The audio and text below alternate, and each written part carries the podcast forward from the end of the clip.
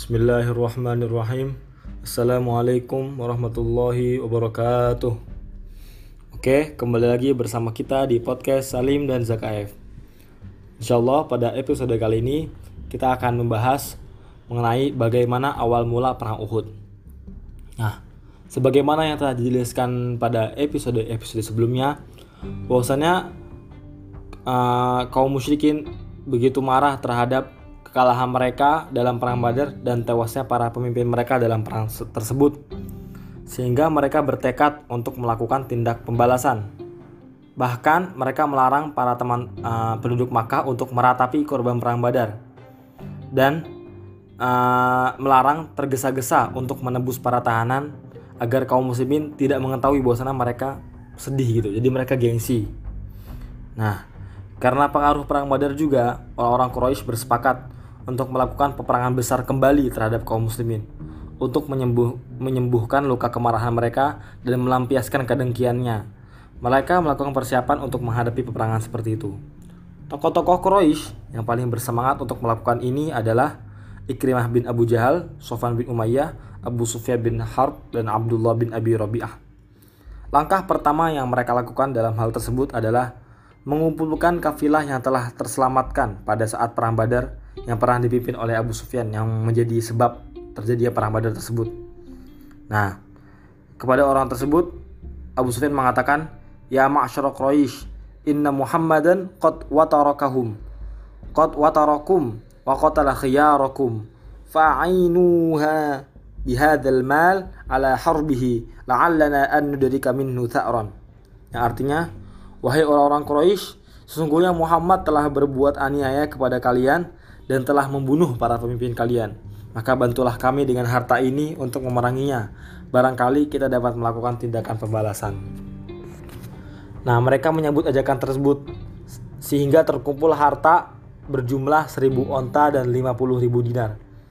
Dalam hal ini, Allah Subhanahu wa taala berfirman dalam Al-Qur'an surat Al-Anfal ayat 36 yang berbunyi Innal ladhina kafaru yunfiquna amwalahum liyasuddu an sabilillah fasayunfiqunaha thumma takunu alaihim hasratan thumma yughlabun. Yang artinya sesungguhnya orang-orang kafir itu menafkahkan harta mereka untuk menghalangi orang dari jalan Allah. Mereka akan menafkahkan harta harta itu kemudian akan menjadi mereka akan menyesal karena hal tersebut dan mereka akan dikalahkan. Dan langkah kedua mereka juga membuka kesempatan kepada bani-bani tetangga yang berada di luar Makkah seperti Bani Ahbashi, Bani Kinana, dan penduduk Tihamah apabila dari antara mereka ada yang mau ikut berkontribusi untuk memerangi kaum muslimin. Dalam hal ini, langkah yang ditempuh adalah mencari berbagai cara untuk membangkitkan semangat kontribusi. Nah, Sofan bin Umayyah pun membayar seorang penyair bernama Abu Izzah yang dulunya pernah ditawan pada saat perang Badar, tapi dibebaskan oleh Rasulullah SAW tanpa tebusan. Dan Abu Izzah ini kemudian membangkitkan para kabilah untuk memusuhi kaum muslimin dengan syair-syair yang dapat membangkitkan kedengkian mereka. Di samping Abu Izzah ada orang Quraisy lain seperti Musafi bin Abdi Manaf al-Jamhi yang melakukan tugas yang sama. Nah, Abu Sufyan adalah seorang yang paling keras permusuhannya kepada kaum muslimin. Sekembalinya dari perang Sawik yang sebelumnya dijelaskan pada episode sebelumnya, dalam keadaan gagal dan tidak berhasil mewujudkan keinginannya, bahkan kehilangan sejumlah besar bekal makanan untuk peperangan tersebut. Faktor lain yang menambah permusuhan bertambah sengit adalah musibah terakhir yang menimpa orang-orang Quraisy dalam ekspedisi Zaid bin Harithah berupa kerugian besar yang dapat mematahkan tulang punggung perekonomian mereka dan menambah kesedihan mereka. Ketika itulah kaum Quraisy semakin mempersiapkan diri untuk terjun dalam peperangan yang menentukan antara mereka dengan kaum muslimin. Nah, penduduk Makkah telah sempurna persiapannya dan telah terkumpul kira-kira berjumlah 3000 orang yang akan siap untuk berterjun ke dalam medan perang. Pemimpin Quraisy memandang ada baiknya jika para wanita diikut sertakan dalam pasukan tersebut. Sebab keberadaan wanita dapat menambah semangat pasukan untuk berani mati membela kehormatan kaum wanita tersebut. Jumlah wanita yang disertakan adalah 15 orang. Perlengkapan perang kaum Quraisy berupa kendaraan sebanyak 3000 onta, berupa kuda sebanyak 200 ekor, dan berupa baju besi sebanyak 700 buah. Kepemimpinan umum diserahkan kepada Abu Sufyan bin Harb. Pasukan kuda dipimpin oleh Khalid bin Walid, dibantu oleh Ikrimah bin Abu Jahal, dan bendera diserahkan kepada Bani Abduddar. Nah, setelah melakukan persiapan yang sempurna, pasukan Makkah bergerak menuju Madinah. Dendam kesumat yang tersembunyi mampu menyulut api permusuhan yang ada di dalam hati dan mempercepat terjadinya peperangan. Akan tetapi, Nabi Muhammad punya intel Siapa itu intelnya? Yaitu paman beliau sendiri Abbas bin Abdul Muttalib senantiasa mengawasi gerakan-gerakan kaum Quraisy dan persiapan militer mereka. Setelah kaum Quraisy bergerak, Abbas segera mengirimkan surat kilat kepada Nabi Muhammad SAW yang isinya juga menjelaskan secara rinci perihal kaum Quraisy, pasukannya berapa, jumlahnya gimana, kudanya berapa, untanya berapa seperti itu. Nah, utusan Abbas segera berangkat untuk menyampaikan surat tersebut. Dia mempercepat perjalanannya sehingga Makkah Madinah yang berjarak 500 km dapat ia tempuh hanya dalam tiga hari. Biasanya untuk enam hari sampai tujuh hari. Jadi dua kali lipat lebih cepat. Kemudian ia menyerahkan surat itu kepada Nabi Muhammad SAW yang waktu itu kebetulan berada di Masjid Kuba. Jadi berada di luar Madinah gitu. Di kampung Kuba. Nah surat tersebut akhirnya dibacakan oleh Ubay bin Kaab kepada Nabi Muhammad SAW.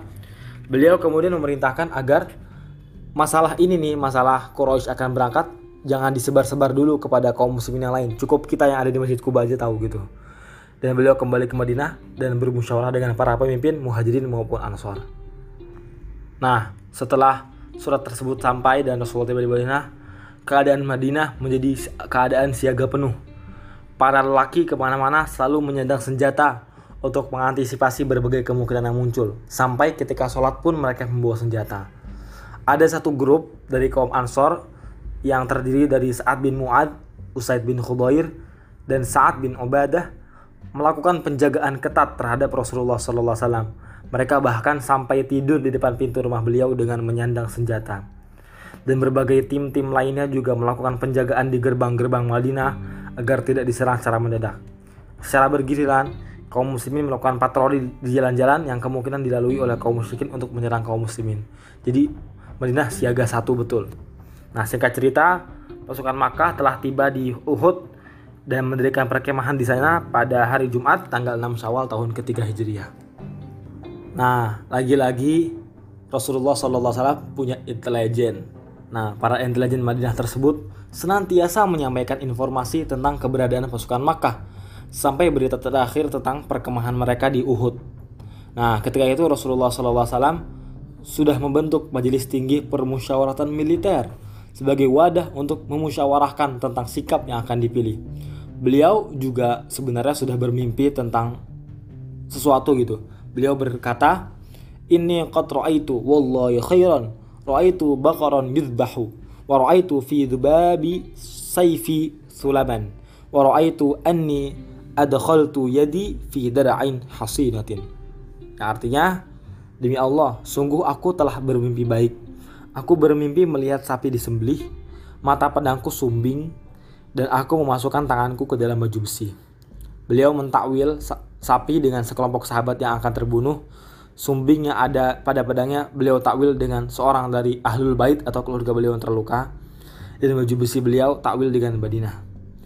Nah kemudian beliau bermusyawarah dengan para sahabat dengan mengusulkan pendapat beliau agar kita tidak usah keluar dari Madinah kalau seandainya kaum musyrikin datang ke Madinah, cukup kita akan menyerang dari lorong-lorong kota gitu. Jadi perang urban lah bahasa sekarang, perang urban. Jadi kita menyerang dari gang-gang, lorong-lorong, dibantu oleh kaum wanita dari atas rumah, dari atap gitu, dari atap rumah. Demikian pendapat tersebut juga disetujui oleh Abdullah bin Ubay bin Salul, seorang gembong munafik. Ia juga menghadiri majelis permusyawaratan militer dalam kapasitas sebagai salah seorang pemimpin Khazraj. Tampaknya ia menyetujui pendapat tersebut bukan karena pendapat tersebut merupakan strategi yang benar dari sisi militer, namun untuk menghindari dari peperangan tanpa sepengetahuan seorang pun. Namun Allah berkehendak untuk membuka kedoknya dan para pendukungnya untuk yang pertama kalinya di hadapan kaum muslimin, maka tersingkaplah kedok yang telah menutupi kemunafikan mereka. Nah, sekelompok sahabat yang lain yang sebelumnya tidak ikut dalam perang Badar mengusulkan Nabi Muhammad SAW untuk keluar Madinah saja. Mereka mendesak beliau untuk melakukan perang terbuka dengan mengatakan, "Ya Rasulullah, kunna natamanna hadzal yawm wa Allah. Faqad saqahu ilaina wa qarabal masir. Ukhruj ila a'da'iya, ukhruj ila a'da'ina wala wala yarawna anna jabinna anhum." Wahai Rasulullah, kami selalu memohon kepada Allah dan mengharapkan datangnya hari peperangan tersebut. Sekarang Allah telah mendatangkannya keluarlah menuju musuh kita sehingga mereka tidak melihat kita sebagai orang-orang yang penakut.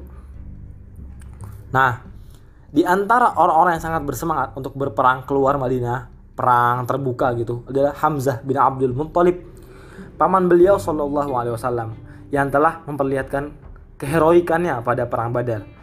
Ia juga berkata kepada Nabi Muhammad SAW, "Walladhi anzala 'alaikal kitab la at'amu ta'aman hatta ujallidahum bisayfi kharijal Madinah." Yang artinya, demi Allah yang telah menurunkan Alkitab kepada Anda, aku tidak akan makan sebelum aku menguliti mereka dengan pedangku ini di luar Madinah. Nah, akhirnya Rasulullah Shallallahu alaihi wasallam memberikan persetujuan eh, di pendapat mayoritas dan akhirnya yang disepakati adalah keluar dari Madinah dan bertumpur di medan terbuka untuk selanjutnya akan dilanjutkan oleh Abo. Bo, silakan Bo. Oke, Pi, aneh lanjutin. Jadi kan tadi udah fix ya uh, kaum muslimin keluar Madinah untuk menyambut kedatangan pasukan Mekah dan uh, mereka kaum muslimin berangkat setelah sholat asar pada hari Jumat. Saat itu Rasulullah Shallallahu Alaihi Wasallam membagi pasukan muslimin menjadi tiga kelompok yaitu kelompok muhajirin, kelompok aus dan kelompok khazraj. Nah untuk kelompok muhajirin ini dipimpin oleh Mus'ab bin Umair dan kelompok aus dipimpin oleh Usaid bin Hudair lalu kelompok khazraj dipimpin oleh Al-Hubab bin Al-Mudhir. Pasukan terdiri dari 1000 prajurit, uh, eh, 100 prajuritnya mengenakan baju besi dan 50 orang menunggang kuda. Tetapi ada pendapat yang mengatakan di perang Uhud ini gak ada sama sekali dari pasukan muslim yang menunggang kuda.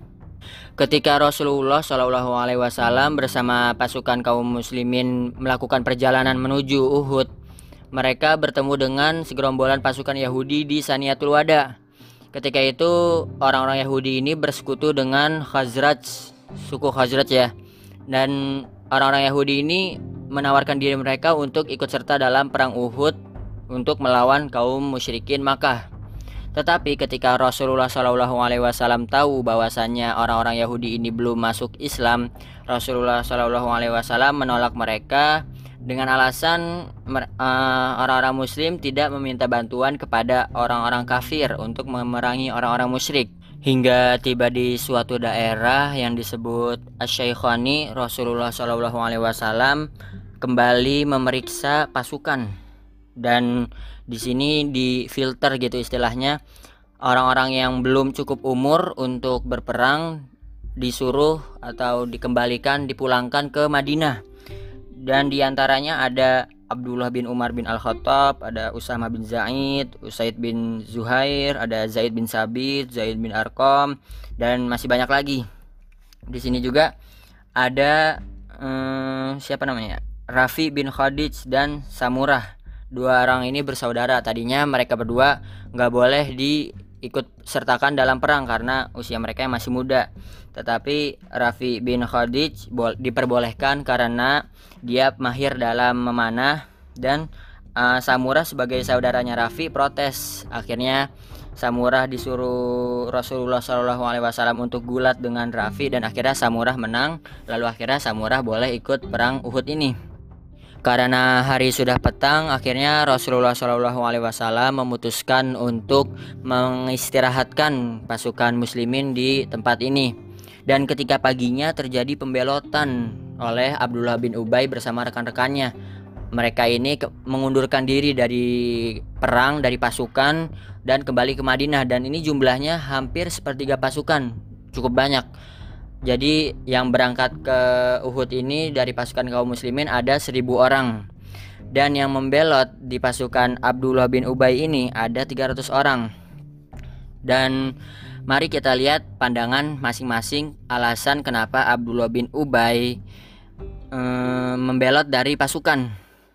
Jadi menurut Abdullah bin Ubay, Abdullah bin Ubay beralasan Rasulullah Shallallahu Alaihi Wasallam mengabaikan pendapatnya untuk berperang di dalam Madinah saja atau bertahan di dalam Madinah dan menurut Abdullah bin Ubay Rasulullah Shallallahu Alaihi Wasallam lebih suka mendengarkan pendapat orang lain daripada pendapatnya tetapi dari pandangan yang berbeda di pandangan kedua ini kalau begitu kenapa uh, Ros, uh, Abdullah bin Ubay tidak ikut berangkat saja dari awal uh, pasukan kaum muslimin berangkat Kenapa tiba-tiba di tengah perjalanan Abdullah bin Ubay ini malah me, ber, malah berhenti, malah keluar dari pasukan. Dan menurut pandangan kedua ini tujuan Abdullah bin Ubay keluar dari pasukan, keluar dari barisan kaum muslimin adalah untuk menimbulkan keguncangan dan keresahan atau mengurangi semangat di tengah pasukan kaum muslimin. Gara-gara pasukan mereka kan jadi berkurang dan melihat pasukan musuh yang jumlahnya lumayan banyak. Dan hampir saja pada pembelotan ini Bani Harith dari Aus dan Bani Salimah dari Khazraj itu hampir juga ingin mengundurkan diri. Untung saja mereka kembali bersemangat untuk ikut dalam perang Uhud ini. Dan akhirnya sisa pasukan kaum muslimin yang masih ikut di barisan ada sekitar 700 prajurit berangkat ke Uhud dengan gagah berani. Nah, jadi sampai sini dulu episode kali ini. Untuk selanjutnya kita akan langsung bahas tentang perang Uhudnya, uh, proses perangnya gimana, dan buat yang belum dengar episode sebelumnya silahkan didengerin dulu soalnya biar nyambung karena cerita ini ceritanya nyambung. Jadi kalau misalnya lompat-lompat takutnya ada salah paham. Nah, jadi segitu dulu dari kami. Jangan lupa di-share ke teman-teman kalian. Kurang lebihnya mohon maaf. Wassalamualaikum warahmatullahi wabarakatuh.